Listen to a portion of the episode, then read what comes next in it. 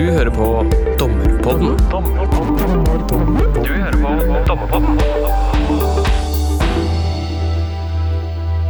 Velkommen, alle sammen. Tenkte det skulle være litt sånn eh, lett nervøst å ha live eh, opptreden.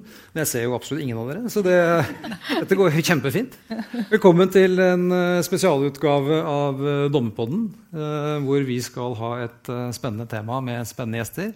Vi eh, tok utfordringen om å komme oss ut av vårt trange lille studio og den trivelige lydmannen Alexander og utfordre oss sjøl med å kjøre et eh, live opplegg. Så dette blir da tatt opp eh, og blir gitt, ut som en ordinær dommerpod etterpå.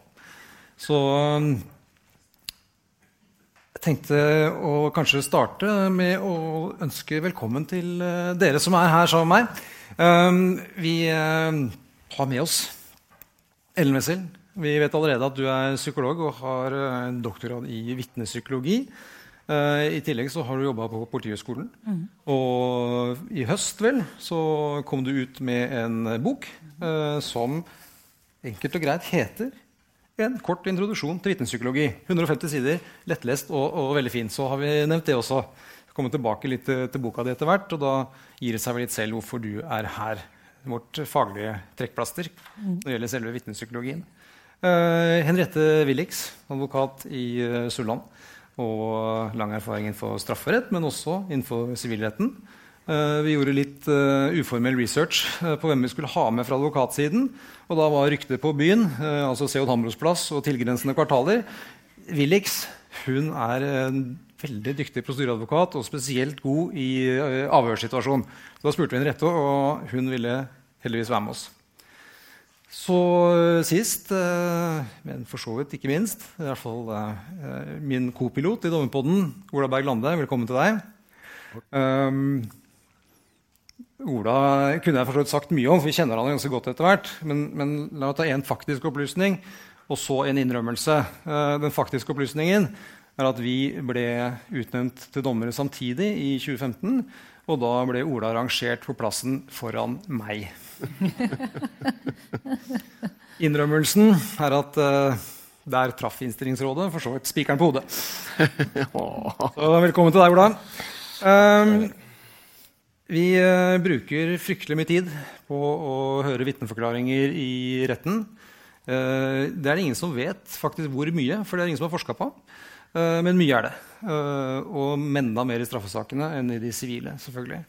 Eh, kanskje kan det dreie seg om to tredjedeler, tre fjerdedeler eller noe sånt av tiden i, i en vanlig hovedforhandling i, i en straffesak som vi bruker på det.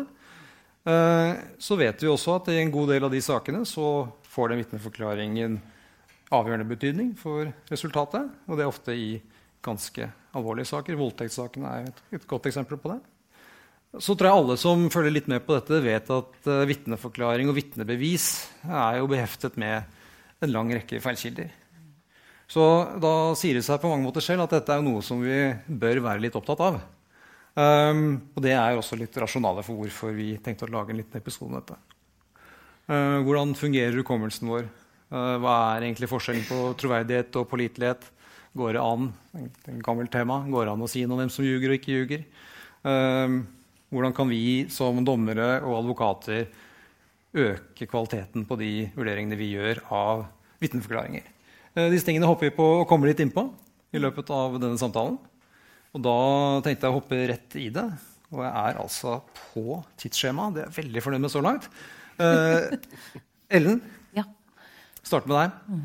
Eh, hva er vitnepsykologi? ja Vitnepsykologi det er en, eh, et fagfelt hvor vi forsker med for så vidt grunnleggende psykologisk eh, forskning, men innenfor en sånn rettslig kontekst, med vitnen i fokus. Og det er jo da påliteligheten av observasjonsevnen til vitner, hukommelsesevnen, og, eh, og hvor pålitelig er egentlig det som formidles av informasjon på eh, vitnetidspunktet. Kan vi stole på det?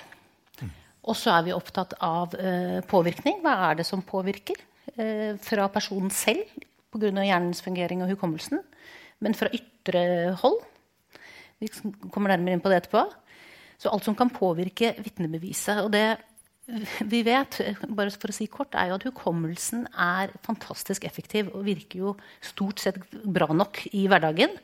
Men den er ikke designet for det som kreves av detaljnivå eh, i en rettslig kontekst, enten det er i politiavhøret eller i retten. Og så er jo en annen stor del av vitnepsykologien eh, Der er vi opptatt av hva som påvirker våre vurderinger av vitner. Hva, hva, er det vi påvirkes av når vi skal vurdere om vitner er troverdige eller ikke? Hvor gode er vi? Eh, og så er det selvfølgelig dette her med løgn.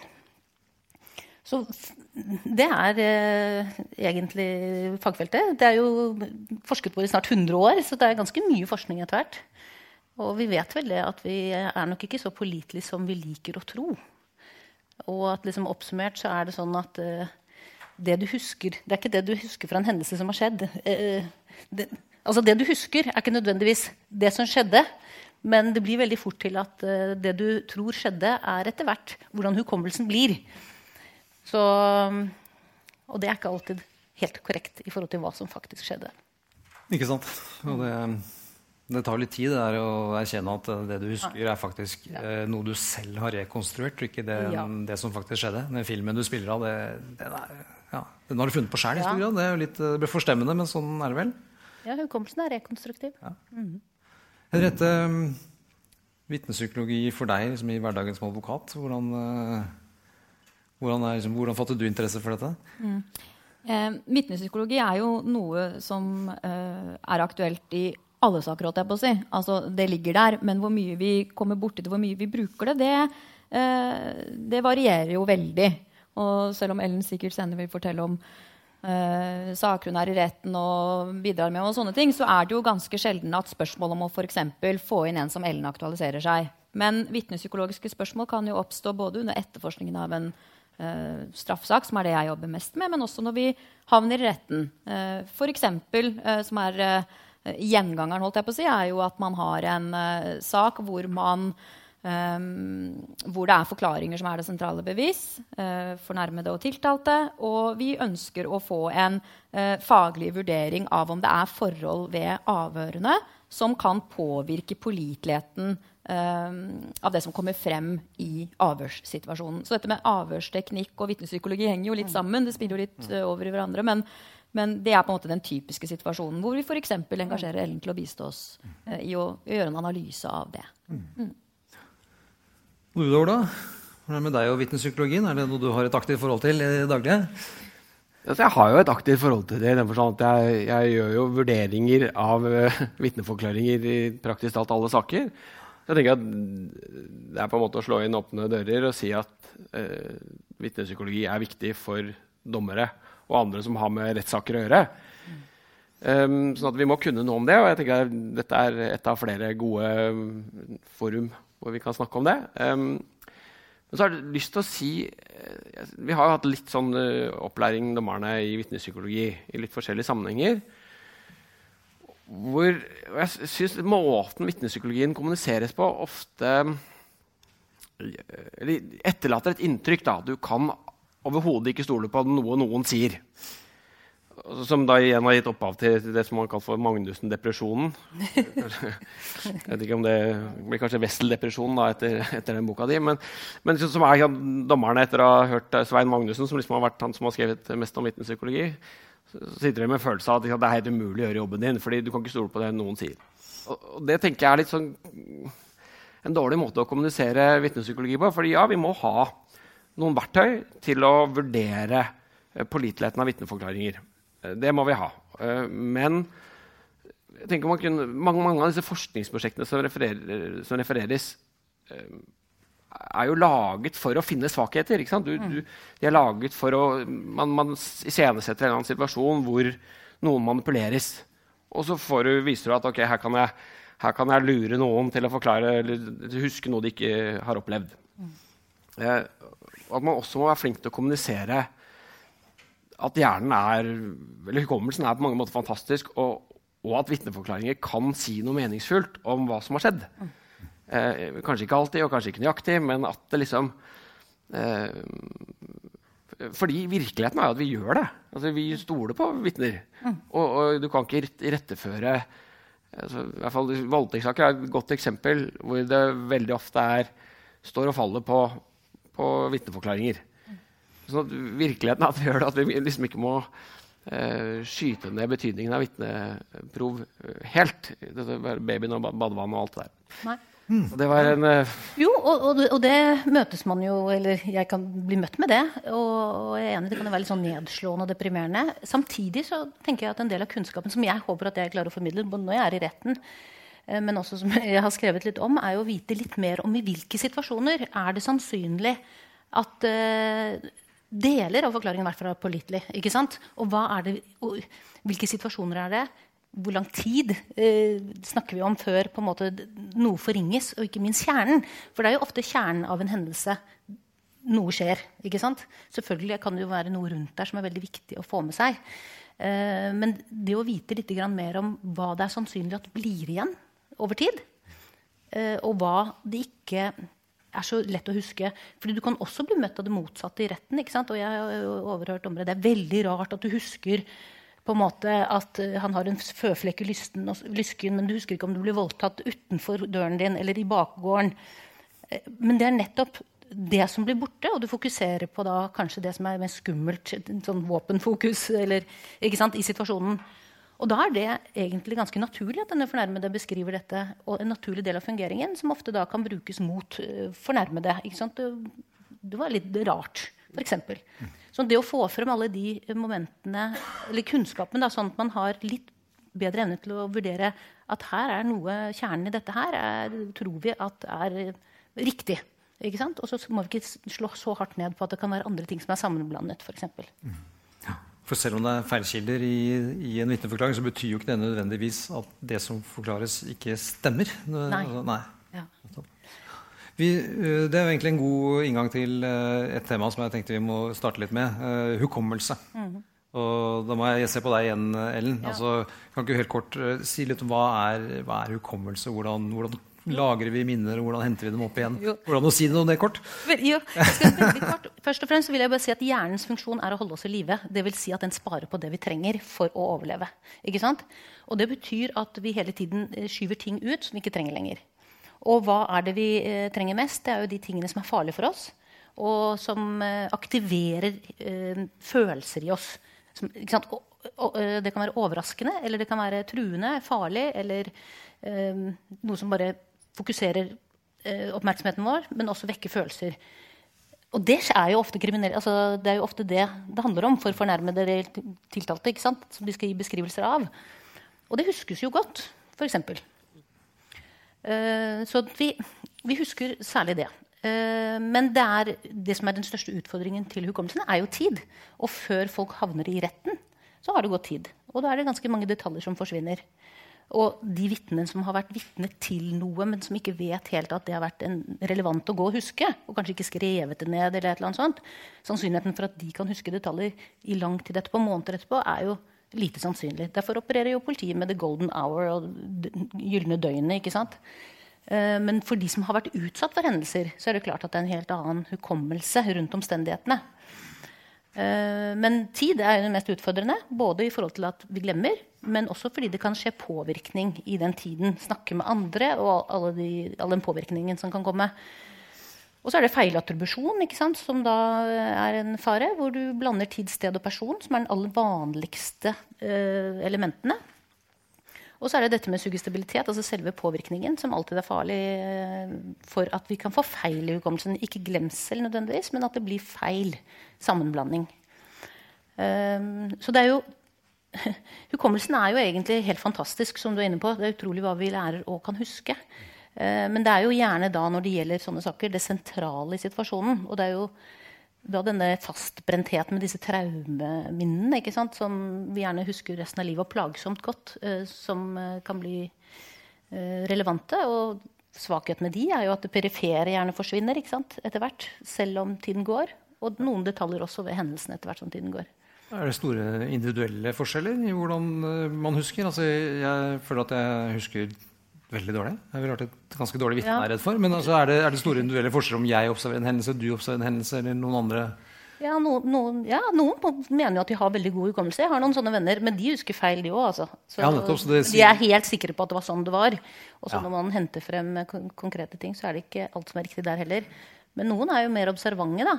Får med seg mer. Og da, du må jo fokusere på ting. Du er helt avhengig av oppmerksomheten for at ting skal lagres. Det du ikke fokuserer på, får du ikke med deg. Og i en situasjon så fokuserer du på noe, og da fyller du gjerne ut resten med det du tenker kan ha skjedd. Og der kan jo feilene snike seg inn i en vitneforklaring. ikke sant? Det, det tror jeg kanskje vi har et eksempel på. Ola, Ola har uh, inntil videre ikke vært tiltalt i en straffesak, men han har vært vitne Ja. i en straffesak. Uh, og det, det synes jeg illustrerer noe av dette ganske godt, Ola. Fortell etter, etter din hukommelse, hva skjedde? Etter min hukommelse, det er bra. Ehm, ja, så jeg må jo si jeg har selvfølgelig bedt Ragnar å spørre om dette, fordi jeg er helt i den historien. Um, men jeg var altså, vitne til, et, eh, til et ran av en dame i en sånn togundergang. Um, og så uh, klarte jeg å stoppe han fyren. Og det er det her heltestatusen kommer inn. Og så fikk jeg han til å levere fra seg. Han hadde tatt mobiltelefonen hennes og noe kort og greier. Fikk han til å levere de til meg, og så tenkte jeg at jeg orker ikke å uh, Jeg var ikke så helt, så jeg lot han bare gå av gårde. Og så kommer hun dama like etterpå og, og er helt fortvila. For sier hun ble dytta opp mot veggen og ble tatt i skrittet og var kjempeutafor. Eh, Så da ringte de politiet, og så kom de jeg sier, overraskende nok ti minutter etterpå med fire-fem politibiler og tok det kjempealvorlig. Men i alle fall, da ga jeg en beskrivelse av han fyren. Og var ganske trygg på uh, kroppsbygning, eh, ansikt og ikke minst bekledning. Um, og uh, så kjørte de ut for å finne ham. Og så fant de ham. Og så kjørte de ham tilbake til oss for at vi skulle identifisere ham. Da. Og da var det jo ganske forstemmende å se hvor annerledes han så ut enn det jeg hadde beskrevet. Og tross at jeg subjektivt sett var ganske trygg på at jeg, jeg beskrev det riktig. Og, og det var også interessant hvor eh, lite overrasket de politifolka var over det. Altså, jeg var ganske overraska, men det var tydeligvis ikke noe overraskende for dem. Um, så, så det er kanskje um, var kanskje det du tenkte på, Ragnar? Eller um, Det var den jeg tenkte på. Ja. Kan Hvis ikke du har flere? ja, altså, jeg kan også- det ja, det er mange heltehistorier, men la oss holde oss til denne. Ja, ja, ja. Um, nei, men, men da, også i forlengelsen av det så ga jeg et, sånn, et, et, eh, sånn avhør på stedet til han politimannen. Og så ble jeg kalt inn til, så, til å vitne i tingretten eh, en, det var bare en måned etterpå. eller sånt. Og da hadde jeg heldigvis, fordi jeg har vært på vitnepsykologikurs, så hadde jeg skrevet ned hele forklaringen min rett etter at det avhøret ble tatt. Når jeg skulle inn og vitne, tok jeg fram de notatene. Og der var det mye nytt for meg. altså Ting som jeg ikke, ikke huska. Sånn hvis jeg ikke hadde gjort det, så hadde den forklaringen min i retten vært en helt altså Ikke en helt annen. altså Jeg huska jo sånn noenlunde hva som har skjedd, men veldig mye mer detaljer og, og ting som skjedde i litt annen rekkefølge enn det jeg huska. Så det var eh, overraskende og litt forstemmende. da. Eh, og litt i kontrast til min entusiasme for uh, vitneforklaringen som bevis tidligere i dag. Ja, i grunn. Altså, nå har du egentlig snakket deg rett inn i en sånn depresjon eller, eller uh, Wessel-depresjon. Men ja. Men det er et lite Eh, eksempel på et ja. av de største problemene med disse med øyenvitneidentifisering, som Innocence Project er opptatt av. Av de som sitter på de lengste straffene ikke sant, og har fått uh, ja, death row. Så er det jo det er, er det 367 nå som, hvor man har fått DNA for å vise at de er uskyldige. Så er jo 75 av gangen så er det feis feil i øyenvitneforklaringene. Og generelt sett så sier vi 25 eh, er feil øyenvitneobservasjon. Eller man husker det ikke. Det er feil. Fordi særlig ukjente ansikter er vi dårlige på. Og det er også greit å vite, Men er det et kjent ansikt, selvfølgelig, eller du har vært i en slags dialog over litt tid, så fester jo et ansikt seg i større grad. Problemet er at vi ikke alltid husker hvor vi har sett det, og, og når det var. Hvis tiden har gått. Henriette, den historien til Ola, hvordan setter du deg inn i sånn advokat, ja, din advokatkontekst? Er det, kjenner du deg igjen i Ja, jeg tror den er ganske typisk, egentlig. Og det som er interessant når vi snakker eh, om vitneforklaringen i en rettslig kontekst, er jo hva er det som påvirker hukommelsen vår. Eh, og nå har jeg jo hørt Ellen et par ganger, så jeg vet jo at det er forhold som bl.a. personligheten vår, våre egne erfaringer, hvordan vi opplevde situasjonen der og da. Og der har jeg et eksempel. Ja, føre. Yes. Um, og det er- henger vel kanskje sammen med hvordan hukommelsen vår påvirkes av eh, hvordan vi har blitt opplært at verden henger sammen. For jeg var eh, av alle ting bistandsadvokat, som jeg sjelden er, men jeg var det i en eh, voldssak en gang hvor det dreide seg om eh, knivstikking, uprovosert knivstikking på et gatekjøkken. Og der, eh, der, hadde vi videoovervåkning, men den ble da vist til slutt. altså etter at alle hadde vært inne og forklart seg. Og på vanlig måte hørte vi fornærmede, min klient, og vi hørte flere tiltalte som alle nektet straffskyld, og så hørte vi vitner. Og da var det flere vitner, altså det vi kaller uavhengige vitner, uten, uten noe binding til verken fornærmede eller de tiltalte, som skulle beskrive gjerningspersonen som da kommer inn på dette bitte lille gatekjøkkenet. Um, og det som var så merkelig med dette, var at disse tre det var han som eide gatekjøkkenet, og så var det han som jobba der, og så var det en som hadde bestilt noe mat. Alle de svarer på aktors spørsmål om hvilken farge eh, gjerningspersonen hadde på finlandshetten, at den finlandshetten var sort. Helt greit. Og så kommer videoen, og der er det den hviteste finlandshetten. Den bare liksom lyser mot oss. Og dette visste jo jeg og aktor, selvfølgelig, hadde jo sett dette på forhånd, men det var utrolig fascinerende hvordan tre personer som jeg i hvert fall ikke har noen grunn til å tro at hadde snakket så særlig om hverandre, eller med hverandre om dette på forhånd. I hvert fall ingen grunn til det. Og det henger vel sammen med at vi normalt er opplært til å tenke at en finlandshette er sort, på samme måte som at hvis vi tenker et eple, så tenker vi ofte rødt. Mm. Um, og det jo, har jo også en side til denne litt ferskere saken nå, som handler om uh, politivolden i Kongsberg f.eks. Mm. Um, dette med overvåkning, um, hvordan det kan ganske drastisk forandre bevissituasjonen i en sak hvor man i utgangspunktet har tenkt å belage seg på forklaringer fra de involverte, men hvor det kommer inn et form for et sånn ytre objektivt bevis som korrigerer det ganske kraftig, vil vi vel kunne si. Mm. Og vi kan vel alle lure på, eller jeg tør vel å gjette hva som hadde skjedd i den Kongsberg-saken hvis vi ikke hadde hatt noe overvåkningskamera i den saken. Ja. Da, da, er det jo det generelle ikke sant, som slår inn, og som du var inne på. Altså, episode, vår selvopplevde uh, hukommelse er sammenvevd med den semantiske, dvs. Si hva vi tror og vet om verden. Mm. Og den, de driver hele tiden og henter informasjon fra hverandre. Og da er det den stereotype kriminelle med sort finlandshette. ikke sant? Og i Kongsberg-saken jeg vet ikke, ikke sant? Det har tidligere vært en veldig truende situasjon. At man er livredd for det og opplever det som skremmende. Fordi våre tidligere erfaringer kan påvirke det vi opplever nå.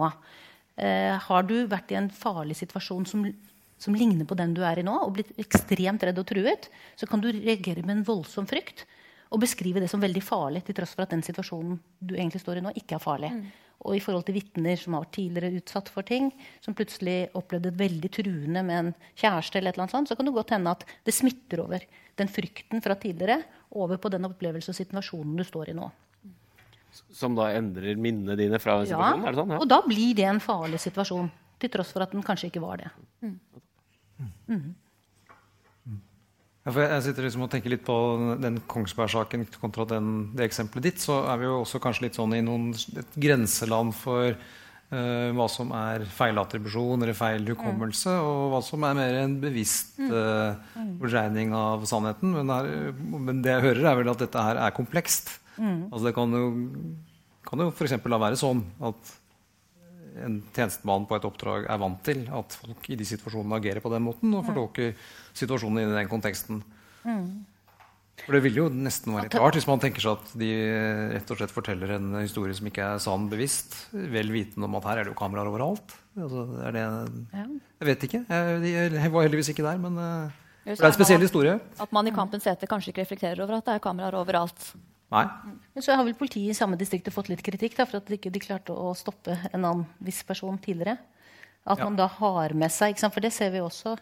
At uh, ja, man er påvirket av tidligere erfaring. Han, da tenker du på han bueskytteren, ikke ja. sant? Det, ja, Er det jeg som blander Kongs, Kongsberg og Kongsvinger her, kanskje? Oh, ja. Jeg tenkte Kongs... Var det ikke Kongsberg begge deler? Nei. Ja, Kongsberg begge deler. Nei, nei, ok. Eller, jo, nei, men Man tar med seg tidligere erfaring. Det gjør dommer også. når de har For dette samtalens vedkommende så sier vi at det var Kongsberg? Va? Ja. Ja tidligere sak for politiet kan smitte mm. over på neste møte, og for dommere også. ikke sant? Mm. Ja.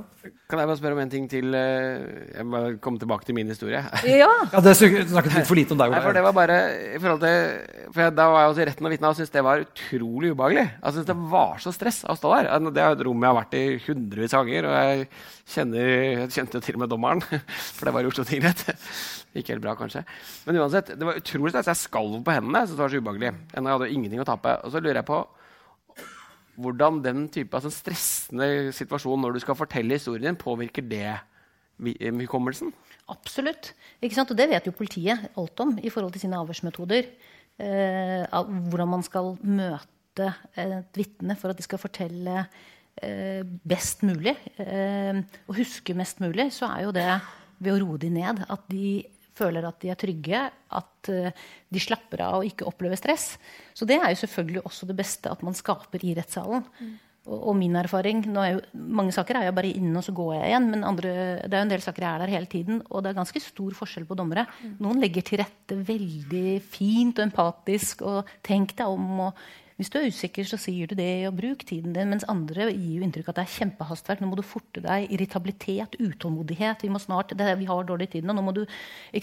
Hvor du ser at enten det er fornærmede eller tiltalte blir veldig usikker. Jeg får jo da hypoteser om at de allerede har gjort seg opp en mening. At de ønsker bare å få svar på det de lurer på. De kan stille ledende spørsmål. De kan betvile svarene som uh, vitnet kommer med. Og da, da, får du ikke det beste fra det vitnet. Og du kan jo skape et inntrykk, da. Uh, eller personen, vitnet, kommer dårlig ut. Ikke sant? Det er klart at Er du uskyldig Vi ser jo det uskyldige vitner de forbereder seg ofte ikke så godt fordi de er uskyldige. tenker Jeg har ingenting å skjule, så jeg får bare fortelle hvordan det var. Men en løgner forbereder seg jo sykt godt. ikke sant? Og når den uskyldige blir, blir da presset i retten da, ikke sant? og utfordret på de tingene de burde tenkt litt mer på, kanskje, så blir de, de senest kanskje litt sånn lite troverdige ut. altså De blir jo, ja, kommer uheldig ut av det. Mens en løgner på, han vet jo, eller hun vet jo at her kommer jeg med noe som ikke stemmer. Så dette må jeg planlegge godt. sånn at jeg har ja, sjekket ut alle mulige utganger her. Henriette, hva syns du om uh, tør du, tør du, Siden du er liksom i løvens hule, hvordan er dommere? Du? du? Du hører jo på dommere hele tiden. Jeg er helt enig med Ellen at her er det veldig varierende. Og siden vi vet at forhold som hvordan hvis vi tar for oss vitne, da, hvordan vitnet opplever situasjonen der og da, påvirker veldig forklaringen som vitnet kommer med, så tror jeg det er veldig viktig at man er oppmerksom på det. Og der har jo åpenbart dommeren som administrator et hovedansvar, men jeg tror også vi andre aktørene kan være flinkere på det. sånn jeg syns det er ganske tydelig når et vitne er eh, enten veldig nervøs, ekstremt ukomfortabel. Og da begynner jeg ofte der. Jeg kommer jo til slutt. Da har det jo vært en uh, aktor som har stilt spørsmål. Kanskje før det har dommeren hatt noen spørsmål. Og så kommer forsvarer inn. da. Og da ser jeg jo at den personen bare har lyst til å synke ned i jorden. Og da sier jeg du, er du veldig nervøs nå? Mm. Og så blir alle litt sånn Det var jo et merkelig første spørsmål. Og så er det sånn Ja, kommer det fra vitnet? Eh, er du ukomfortabel? Ja. ja. ikke sant? Er veldig litt sånn og sitter sånn og svetter og alle de typiske tegnene på nervøsitet. Um, og, så, og, og, bare bruke et par setninger da, på å si sånn Det skjønner jeg veldig godt, og det har også alle andre her stor forståelse for. Og så nikker alle de andre profesjonelle aktørene. Og så ser du på en måte at skulderen til, uh, til det vitnet bare senker seg litt, og så trekker vedkommende pusten. Så sier jeg nå tar vi dette her i tur og orden. Ja, noen få spørsmål igjen til deg. Kanskje også si til vitnet jeg skal spørre deg om det, det, det. Så føler vedkommende seg litt mer forberedt. Det er ganske sånn effektivt og ganske enkelt virkemiddel. Fordi jeg vet at er vitnet trygt, så er det større mulighet for å få frem øh, den versjonen som kanskje vedkommende har gitt i politiavhør, og ikke begynner sånn 'Jeg, 'Jeg husker ikke', og 'nei', og ditt og datt. Vi vet, vi vet, jo at det stresser. Altså, dette er jo kunnskap, Vitnepsykologiske kunnskapen, altså forskningen, ligger jo til det er det som er det kunnskapsgrunnlaget for at vi har fått de avhørene vi har, og de etterforskningsmetodene vi har. Det er den forskningen som har vist at man er så påvirkbar. Man trenger ro, man skal ikke stresse for at hukommelsen ikke sant, uh, får hjelp. Sånn at uh, det burde jo være relevant i domstolen ja. uh, når man stiller spørsmål der og da. Det, det, Henriette beskriver her, er at hun, hun, hun ser rett og slett personen. Hun ja. anerkjenner hvordan hun har det nå. Ja. Og det høres ut som et veldig godt tips. Har du et uh, godt tips til dommerne, Ellen, altså, når vi først er inne på dette her? Uh, hva bør vi gjøre for å legge til rette da, for at et uh, vitne skal føle seg sånn som Ola når han kommer inn og er kjempenervøs? Hvordan skal vi trygge Ola? Jo, og det, det, er jo noe med å bare prøve å roe ned. ikke sant? Og noen kan jo bli nervøs. Oi, jeg ser nervøs ut i tillegg til at jeg føler meg nervøs. Kanskje det gjør vondt verre. Men vi vet jo at nervøsitet trekker ned på troverdighet. Ikke sant? Ubevisst. Ja, altså når du, du kan godt si da, da, jeg vurderer. Det du sier at den som hører på, har en større tendens til å tenke at du ikke forteller sannheten, men du er nervøs. Han har noe å skjule, ikke mm. sant? mens egentlig så er det noe med at kanskje jeg ikke blir trodd. Det er jeg nervøs for. Det kan være mange andre grunner til at du er nervøs. Og når du er nervøs, som er profesjonell i retten, så kan man bare ane at jeg ikke blir trodd. ikke sant? At de ikke stoler på meg. Nei, Så det å bare roe ned, og i hvert fall ikke gi inntrykk av at du er irritert, og at du har dårlig tid eh, ikke sant? Det skal ikke så mye til, som du sier, før folk liksom kan roe seg ned. Da. Mm. Man gjør jo dette i politiavhør, f.eks. Ja. Så hvorfor skal vi egentlig gjøre det så veldig annerledes i retten? Bra. Gode tips. Vi tar med oss det. Ehm, men jeg har dårlig tid, og jeg er ikke irritert, men jeg har dårlig tid og må videre. Nei, ehm, falske minner. Det må vi snakke litt om, for det er et kjempemorsomt tema, syns jeg. Eh, hva, er, eh, hva er det for noe, uh, Ellen? Ja, Falske minner. Uh, første gang jeg skulle forelese om det på Politihøgskolen, sa de dette kan du ta ut av forelesningen, for det har vi ikke i Norge. Kan, kan jeg avbryte deg? På linje med, ja. Jeg, bare, jeg må, må sitere litt fra boka til, til Ellen. Eh, I det kapittelet som heter 'Falske minner', så har du et sitat som du starter med. Som heter, nå skal jeg oversette på direkten fra engelsk her. Eh, forskjellen mellom falske minner og ekte minner er den samme som eh, for juveler. Eh, det er alltid de falske som ser mest ekte ut, og de som skinner penest. Eh, var Salvador Dali skal visstnok ha sagt det. Det er jo litt artig. Altså, De beste minnene, de, er, de skjedde aldri. Da legger vi skjedde til ekstra. Men eh, Ja, falske minner. jeg syns det var eh, litt uh, interessant. fordi det er klart at vi har alle falske minner. Og så da tenker vi på at man husker uh, noen forferdelig grusomme ting som har skjedd der, som ikke noen deler av det er sant. De, en ting er feilhukommelse, men vi kan ha falske elementer i historien vår. ikke sant? Uh, og noen ganger kan det være det sentrale. Et overgrep, eller også sånne ting som, man, som har skjedd noen andre, og ikke deg. Eh, og det er klart at Et falskt minne er at du altså Det flettes inn ting du ikke har opplevd i din historie, som du selv er sikker på at har skjedd. Og under noen omstendigheter så, så skjer det ganske lett. Eller det kan eh, plantes. Andre ganger så kan man klare det selv. og Få seg falske minner. Uh, og når det først har blitt sånn at du tror det har skjedd, så du, har du en tendens til å hente og utbrodere historien. Litt dette med diamanter. At du, du legger til. fordi du kan Stort sett så er jo falske minner en hendelse har skjedd i omgivelser som du kjenner. Så du kan se for deg det om det er onkelen din, du kan se for deg hvordan det ser ut der. Og, øh, og legge til disse tingene som er rundt. Og det som også forskningen viser, er at du kan få symptomer på ting, traumer for eksempel, som du ikke har opplevd. Så, så falske tilståelser, f.eks., er er det, vil det ofte være altså, vedkommende subjektivt selv husker at det skjedde? Ja, altså I, det- i Tengs-saken Ja, er det jo ja. sånn at han husker det jo fortsatt ikke. Det er et sort hull. Men han blir ledet til å tro at han kan gjøre ting Han har, kan ha gjort ting som han ikke husker, fordi du fortrenger det. Og hvis vi skal være inne på falske minner og, og sånne ting, ikke sant? Som, eh, det er de sakene hvor Eller de situasjonene vi er mest sårbare for å kunne etablere falske minner, er jo i en slags behandling eller i samtaler hvor det brukes disse suggestible teknikkene, hvor du skal visualisere ok, du har disse utfordringene med seksuallivet ditt, eller du har disse psykiske lidelsene. Hva tror du det kan være? Og så begynner man å gå på den veien. La oss lete etter og prøve å finne ut av hva det kan ha vært. Og konstruere en. ikke sant? Og da er man jo i gang. Visualisering, hypnose. ikke sant? Eh, se for deg og gjenta det over tid, så vil det fort kunne vokse en frem en historie. Og da ser vi jo at noen av de har fått eh, symptomer på traumer. Som da brukes som bevis på at det har skjedd noe i retten. ikke sant? Og hun har fått en PTSD-diagnose. Hun har sterke symptomer som ikke kan forklares av noe annet. For du, du tror jo det har skjedd. Det er ikke, du lyver jo ikke om at ikke det har skjedd deg. Nei. Du det er forskjellen det mellom Ikke sant? falske og, Ja. og løgn. ikke sant? Ja. Mm. Har du noen eksempler på Har du opplevd det noen gang, Henriette? Nei, jeg bare kom til å tenke på um, kollegaen din, eh, Timothy Brennan. Han Ja. hadde en gang uh, et eksempel på dette. En ganske sånn interessant forskning om dette luftballongeksempelet. Ja, ja. Det kjenner sikkert du bedre Ja, til detaljene i det. Men for å dra det veldig kort, så var det et forskningsprosjekt hvor de dette er lenge siden, hvor de presenterte deg uh, for et uh, bilde tatt av deg og din far eller noe sånt, oppi en luftballong da du var fem. Og så var det ulike måter å tilnærme seg dette i form av intervju og avhør for å få deg på en måte til å reprodusere denne opplevelsen. Dette hadde jo aldri skjedd, og det bildet var bare forfalsket. Altså, du hadde aldri vært i den luftballongen med faren din. Men det var ganske fascinerende å se i løpet av en Tre gjennomspørringer. ikke sant? Tre gjennomspørringer. Hvordan du til slutt bare la ut om denne turen og hvor fantastisk det var, og alle omstendigheter rundt, og så hadde det aldri skjedd. Og mamma gråt da vi kom ned, for hun var kjempesint på pappa. som hadde gjort, ikke sant? Og det var på sirkus. Altså, ja, de utbrodde Og det var universitetsstudenter. på et ganske godt, altså det, var, var ikke sånn Det var eh, intelligente og oppegående mennesker som ble forført til å tro at de hadde opplevd det. Ja, så Det er vel egentlig også en et funn her at det er veldig enkelt i hvert fall under kontrollerte omstendigheter å i fremkalle ja. falske minner. ikke Ja, sant? ikke sant? Hvis du da er oppi en luftballong, du ser at det er deg, og så ser du at det er faren din eller onkelen din. Så, ikke sant?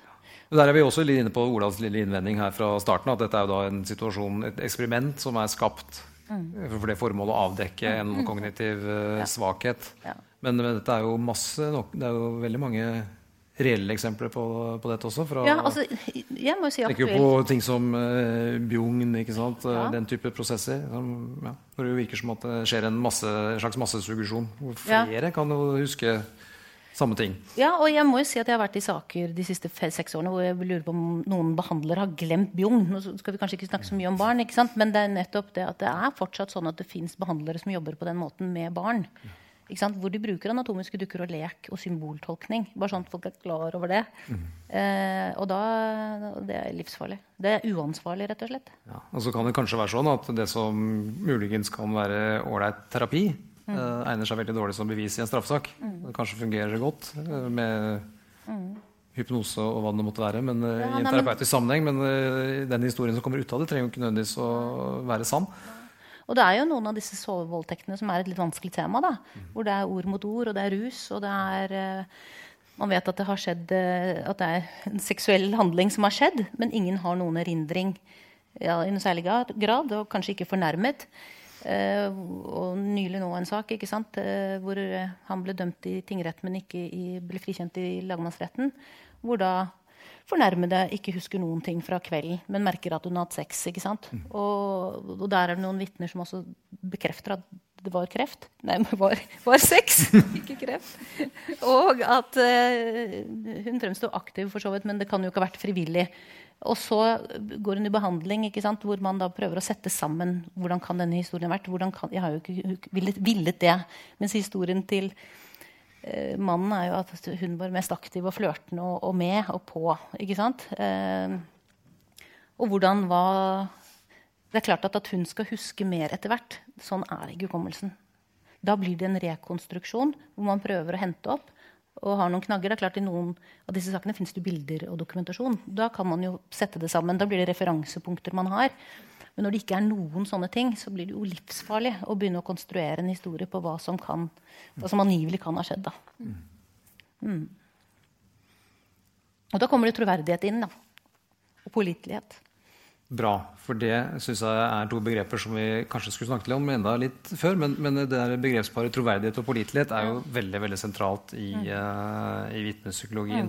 Uh, hvem av dere har lyst til å forklare forskjellen? Skal jeg ta den raskt? Ikke jeg, i hvert fall. Nei, fordi, sant, Vi har jo allerede brukt ordet pålitelighet en del ganger. Jeg prøver å unngå troverdighet så mye jeg kan, for vi ønsker pålitelig informasjon fra vitnene. Vi ønsker å få pålitelige vitneforklaringer. Og med pålitelighet så mener vi den korrekte. Det som har skjedd. Det som kan korrigeres og kontrolleres for. Men troverdighet er jo egentlig en subjektiv vurdering av det inntrykket vi får av en person. Og det kan være måten de snakker på, forteller på. Det, kan være, det er mange ting vi forføres av eh, til å tro at noen er troverdig, som ikke har noen ting med om de snakker sant å gjøre. eller i det hele tatt. Og det er jo en veldig stor del av vitnepsykologiske forskningen. Hva er det som gjør at noen vurderes troverdig? Og det er alle de, ikke sant? Du skal i hvert fall ikke være nervøs, og du skal helst ta på deg hvit hvitt. Ikke? Det, det er utrolig mange ting som de fleste vil nekte på at de blir påvirket av. Så viser det seg at vi ubevisst blir påvirket av det.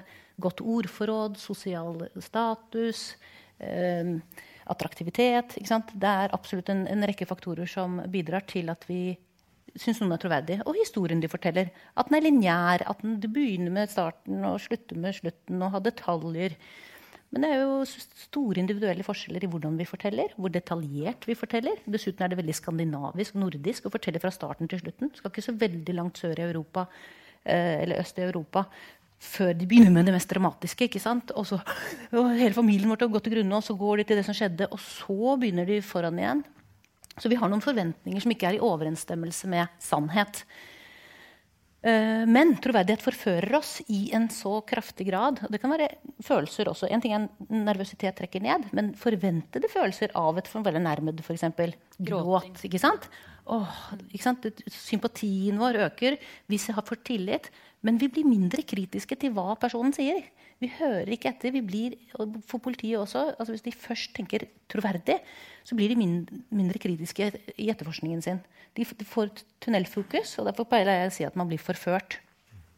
Og motsatte. Skyldig, ikke sant? Ok, Da kommer denne faren for bekreftelsesfelle, hvor du søker informasjon som bekrefter, og så genererer du det som ikke passer inn. Og Det er klart at det kan også skje hos en dommer. Du jo liksom, merker jo at når en, en dommer begynner å stille lukkede, kan jo stille lukkede spørsmål og ikke åpne opp forklaringen. Og det er klart at Av og til må man gå direkte på. Eh, selvfølgelig, det skjønner jeg. Men, eh, men den tendensen ligger i oss. og Derfor er det så viktig å si hva er troverdighet, og hva er pålitelighet. Nettopp fordi vi blir så forført av de troverdige vitnene. Og utfordringen i en rettslig kontekst er jo at det er satt et for stort likhetstegn mellom de to størrelsene. Altså Troverdighet blir tatt til inntekt for å si noe om hvor pålitelig eller hvor korrekt informasjonen som uh, den siktede eller fornærmede eller vitnet kommer med. Og det er jo der utfordringen ligger. Og eh, dette er min kjepphest. Eh, troverdighet og pålitelighet. Det, der syndes det så mye fra Ja. dere to på ytterkanten her. Og hvordan man bruker troverdighet som eh, ganske ofte eh, hovedbegrunnelsen Veldig typisk i sakene vi snakker mye om her, voldtektssaker, hvor det bare har vært to personer til stede, for å kunne domfelle. Fordi vi har en høyesterett som sier at det er greit. Um, og dette må vi snakke litt mer om, må vi ikke det? Jo, det må vi. Og jeg er veldig glad for at du snakket om det. For jeg er, eh, jeg, jeg må si for det første jeg er helt enig. Og, og vi må bare si at dønn skyldig i det, tror jeg de fleste av oss.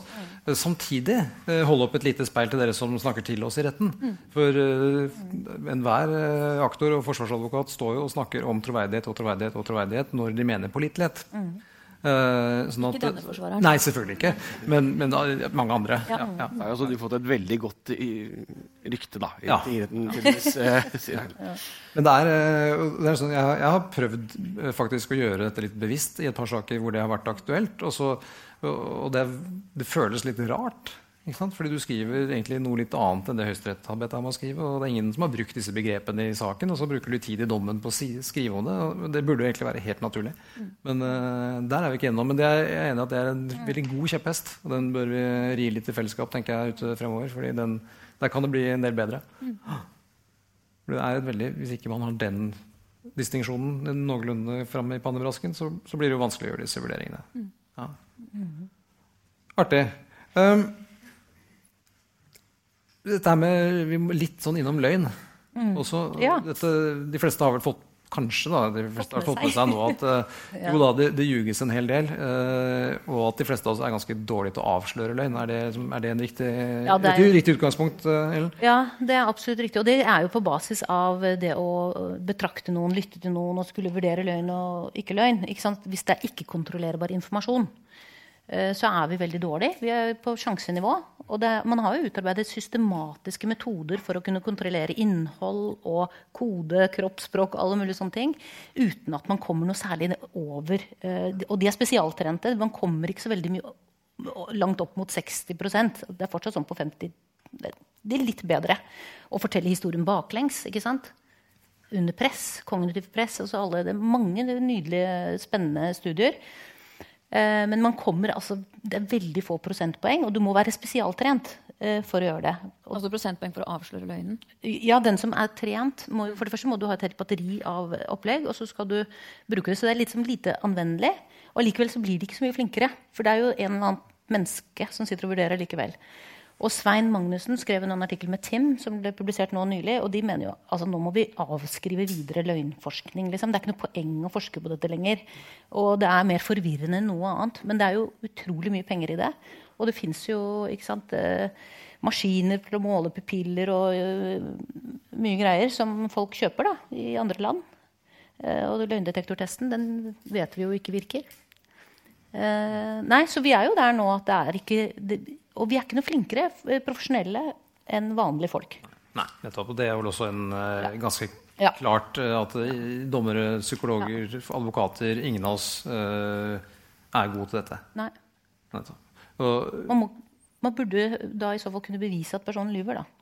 ja, så hvis du, nettopp, og da må man jo holde det som blir sagt, opp mot andre kilder eventuelt, Ja. for å avsløre Ja. om det som blir sagt, ikke er riktig.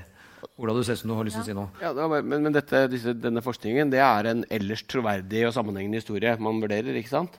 Altså, det, er, da det er vanskelig å avsløre en. For jeg vil tenke, og Veldig ofte så vil man jo øh, forsøke å gjøre analyser av innholdet i en forklaring. altså Du sier at her er det, er det indre motstrid mellom to forklaringer eller samme forklaring. eller det, er, det du forklarer, er kjempeusannsynlig i seg selv. Mm. Ikke sant? Jeg hadde en, en ranssak hvor tiltalte forklarte at fornærmede, som var helt ukjent for ham fra før, hadde gitt han en iPhone X.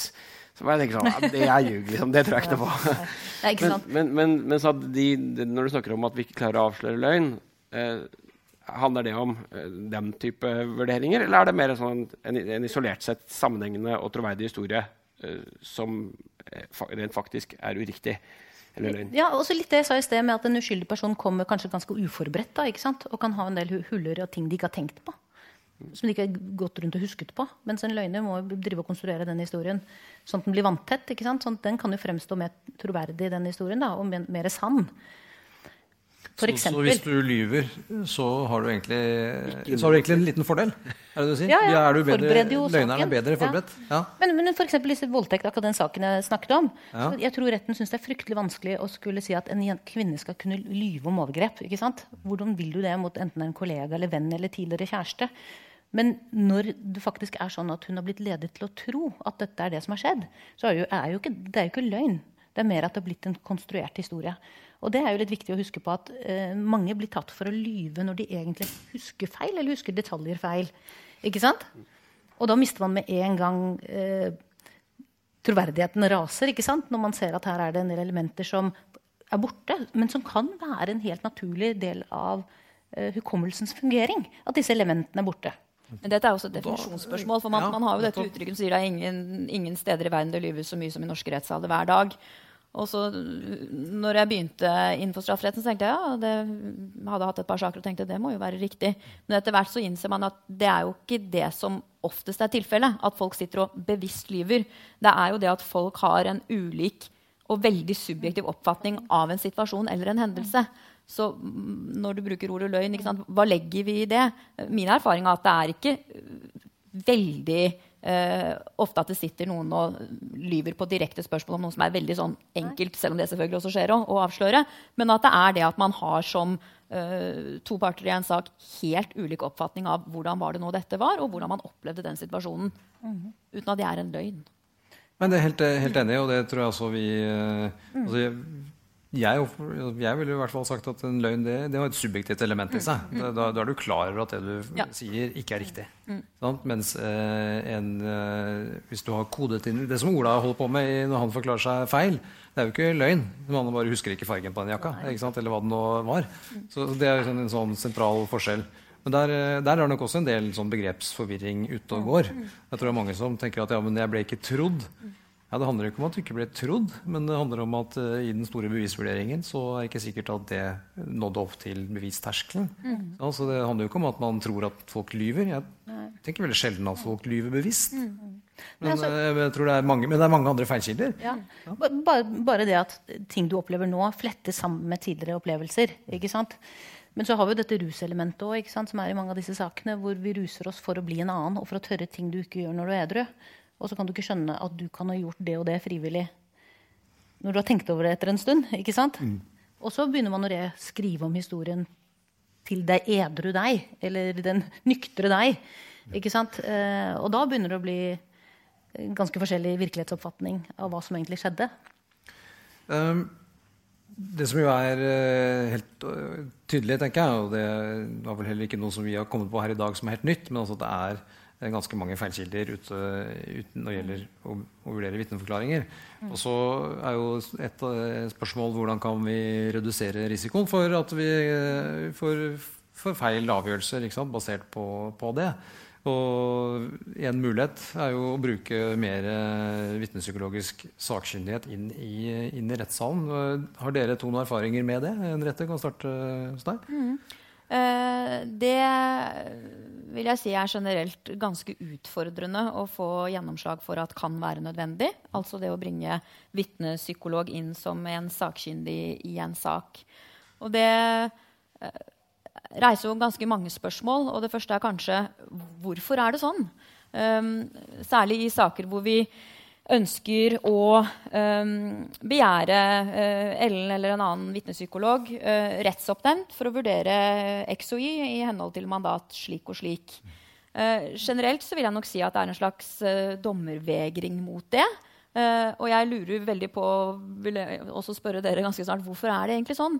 Fordi på så veldig mange andre områder innenfor både sivile saker og straffesaker så er vi helt avhengig av sakkyndigbidrag tilregnelighetsspørsmål, eh, om et barn har blitt fillerista eller ikke, om noen har kjørt for fort, eh, om en foreldres omsorgskompetanse, hva det nå må være. Vi ønsker sakkyndigheten. Vi er helt avhengig av den. Men når det gjelder vitnepsykologien, så blir vi ofte møtt med at uh, nei, men dette, måte, dette, dette, ligger på rettens bord. Dette er rettens oppgave. Men alle de områdene som jeg nå bare ga som eksempel på um, andre typer saker hvor, hvor, retten ønsker og vil ha sakkyndighet, er jo også spørsmål som ligger på rettens bord. Alt dette er jo faktiske bevisspørsmål som en dommer eller flere dommere skal ta stilling til. Jeg ser ikke forskjellen. Eh, Vitnepsykologi er et fag, og med all respekt å melde så er ikke den vanlige dommeren ekspert på det. Eh, det er heller ikke vi andre profesjonelle aktørene. Vi kan ha hatt drypp av det her og der på veien, men ikke noe særlig mer enn det. Og hvis det er et behov for det, f.eks. For fordi det er noe ved et avhør, eller det er grunn til å, at en aktør tenker at her trenger vi å få inn uh, en som faktisk har kompetanse på det, så er jeg veldig nysgjerrig på hva ligger bak den vegringen. Uh, hvis dere kjenner dere igjen i den vegringen, kan, kan dere si noe om det? Uh, jeg, jeg, jeg, har aldri blitt spurt. så, så, jeg har heller aldri vegret. Det kan jeg heldigvis si. men, men har du, Ola? Nei, altså, jeg må innrømme, altså, Vi hadde et lite møte før, før vi, gjorde dette. og det var egentlig første gang jeg hørte om at det gikk an. Altså, jeg har aldri slått meg engang. Og, og jeg, skjønner, jeg, er helt enig med deg. egentlig, Henriette. Jeg skjønner ikke at det skulle være noen store prinsipielle betenkeligheter med det. Altså, Dommeren må jo gjøre en selvstendig vurdering, selvfølgelig, men sånn er det jo med alle, mm. alle sakkyndige. Altså, de kommer og mener et eller annet, og så får vi høre på om vi blir overbevist av det. på en eller annen måte. Så er det ikke noe problem. Jeg, jeg, skjønner ikke, Det blir en kjedelig debatt, dette her, da, for jeg, har heller ikke noe stor vegring. Men, men altså, en mulig mothensyn kanskje er ressurser, selvfølgelig. Altså, det, noen, noen, penger koster det jo. Og, og tenker jeg, dette ligger jo nært opp til noe vi gjør hele tiden. Alle dommere vurderer jo vitner løpende. Og at man kanskje har en slags følelse at man får det til sjæl. Eh, og at man kanskje man kunne tenke seg at man kunne komme et stykke da, med å, å, øke egenkompetansen hos advokatene og dommerne. Uh, eventuelt at man kan tenke seg at man fører bevis, at man uh, legger fram et kapittel fra Ellens bok. ikke sant? Mm. Men, men hvis det er noe spesielt med den saken Jeg, syns det høres ut som en kjempegod idé. jeg lover noe er neste saken vi har, Ellen. Hva sa du? Uten at jeg lover noe i neste sak. Ja, ja. Men, uh, og, og, for å si det sånn, Dere åpner sjelden den lommeboka, så da ender det med at det er en eller annen stakkars klient som kanskje må ta den uh, risikoen. Eller så, man, uh, eller så, ender man i den situasjonen hvor dommeren til syvende og sist så at jøss, her var det jo et eller annet, og så mm. mm. får man betalt etter hvert. Men så det er en del sånn praktiske utfordringer ved dette. Men, men den vegringen der mot sakkyndighet innenfor et fagfelt kontra hvordan vi omfavner sakkyndigbevis i andre sammenhenger. Det syns jeg er ganske interessant og litt påfallende. Mm. Jeg må spørre deg, Ellen, om du kjenner det? Jo, jo, ja, det føler, du, føler, du, på den samme vegringen? Absolutt ikke populært. Det er ikke populært? Det er ikke alltid populært. Nei, og det kan være ganske mye krangling mellom aktørene. Ja, ja. Hvor, hvor jeg... Det handler om oppnevningen? Altså, ja, oppnevningen, du i tatt komme inn i salen? Ja. ja. Jeg, jeg er alltid åpen for at alle kan, aktørene kan spille inn på mandatet. Sånn at eh, de føler at ikke sant? Så jeg, er det ja. motstand i politiet? Er det det? det, eller er det... Ja, jeg har aldri hatt en påtalejurist som har hoppet i været over det forslaget. Nei. Nei. Nei. Og problemet, ikke sant? Noen ganger så ligger jo ikke, er det ikke avhøret. Det er samtaler barna har hatt før avhør som da tidligere sakkyndige ikke har gått inn og sett på. For at Barnevernet har jo stilt ledende spørsmål, lukkede spørsmål gjentatt. sånn at når barnet kommer i avhør, så gjør avhørene det alt riktig. Men eh, de har liksom ikke allerede... undersøkt hva som har skjedd. Og sakkyndige har ikke fått det med seg. Det kan være sånne ting. Eller alder på barn. Er det naturlig at de kan huske at dette skjedde dem da de var to og et halvt år? Og nå forteller de første gangen om det når de er åtte. Nei, det er kanskje ikke så sannsynlig. ikke sant? Og hva har skjedd i mellomtiden? Så det er klart at eh, noen ganger er det relevant, men også bare med den, eh, en, en, generell innledning rundt hukommelse, hva det er naturlig å huske, hva det ikke er naturlig å huske. Jeg, jo, jeg har jo fort, ikke vært i retten uten at de sier oi, det var informativt, tusen takk. Selv om det har vært veldig mye motstand på forhånd. Eh, og jeg, jo, jeg tror man har et kort liv i norsk rett hvis man er veldig subjektiv. ikke sant? Jeg prøver alltid å være objektiv. Det er jo ikke alltid den som oppnevner, får mest ut av at jeg er der. Det Har du da vært oppnevnt eh, bare litt sånn teknisk, har du vært oppnevnt av, av parten? Altså av, av, eh, så fra forsvarets siden, eller av retten? 50 eller- av gangene i hvert fall retten blir rettsoppnevnt. Også, Ja. Men eh, absolutt eh, sikkert halvparten av gangene av eh, forsvarer. Ja. Men også påtalemyndighetene har bedt meg gå gjennom avhør, faktisk. Ja. Og så var du inne på det altså, i, i andre enden. Når du har vært og faktisk bidratt i en sak. Ja. Hvordan, eh, hvordan opplever du at det du har da kommet med, har kommet til uttrykk Ja. etterpå? Nei, Noen ganger så ser de jo bort fra alt jeg har sagt. Andre ganger så ser jeg jo det igjen i dommen. Det er veldig Velkommen til tydelig. rettssalen. Ja, så Noen ganger så er det ikke nevnt at jeg har vært der i det hele tatt. Men, Ok. eh, og dommerne kan også si at ja, dette kan jo vi, men dette er fint for uh, Meddommerne. lekdommerne, meddommerne. Uh, og så er de blide og syns at det er en fin forelesning. For noen ganger holder jeg rett og slett en forelesning uh, på et generelt grunnlag. Nettopp. Per.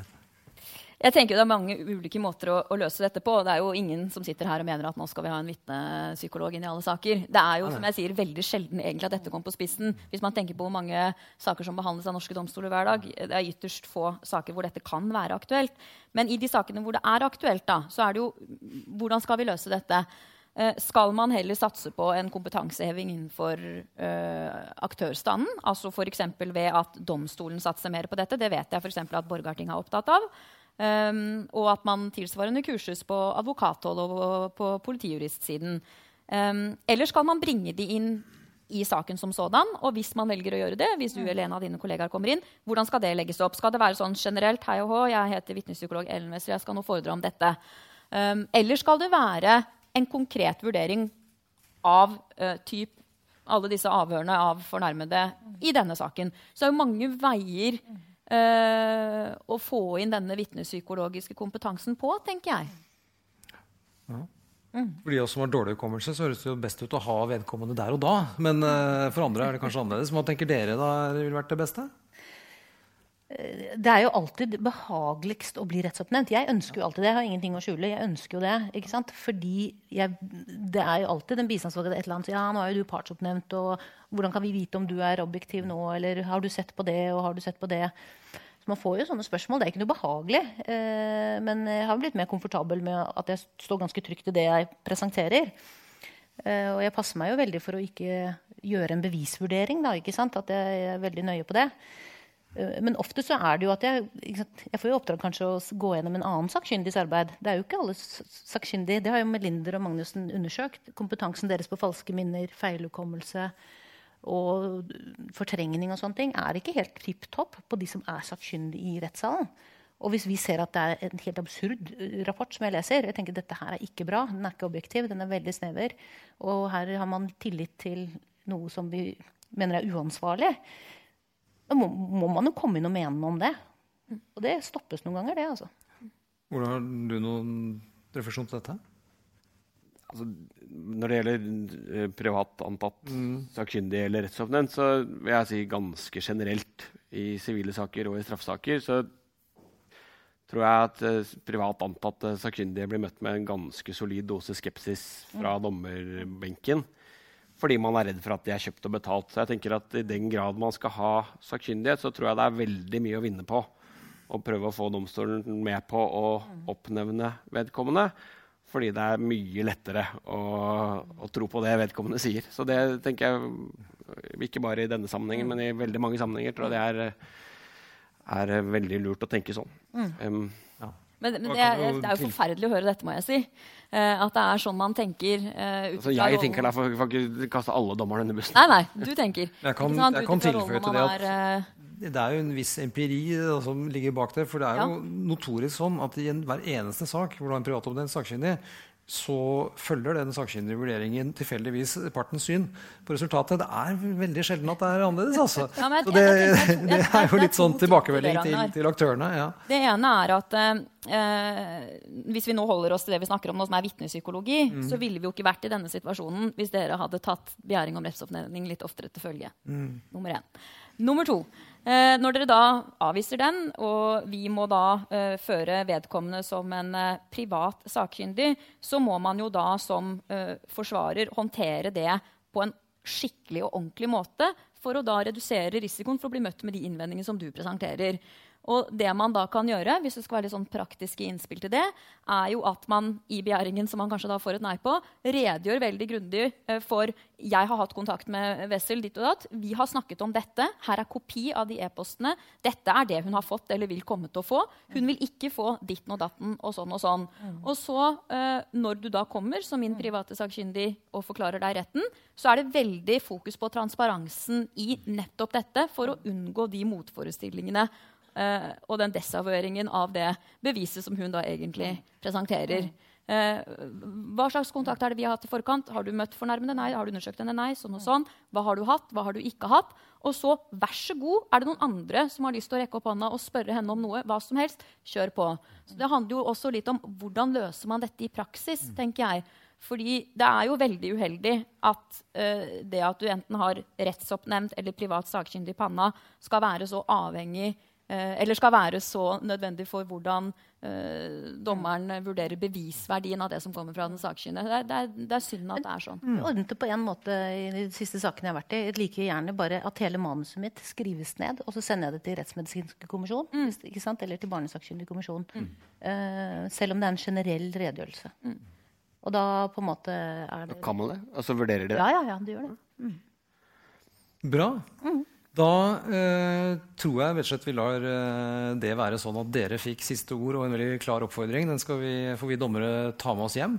Vi skal runde av eh, denne samtalen. Tusen takk for at dere stilte alle tre. Eh, dette her har jo da vært en episode av eh, Dommerpodden som vi lager på oppdrag fra, fra DEA. Eh, og i dag, etter hyggelig invitasjon fra Dommerforeningen, så tusen takk igjen til Dommerforeningen for å invitere oss.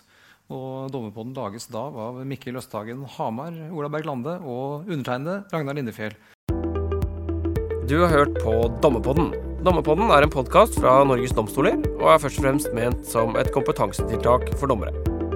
Hvis du har ris, ros, forslag til temaer eller folk vi kan prate med, så er vi glad for å høre fra deg, og da kan vi nås på podkast at domstol.no. Ha en god dømmende hverdag så lenge. Vi høres.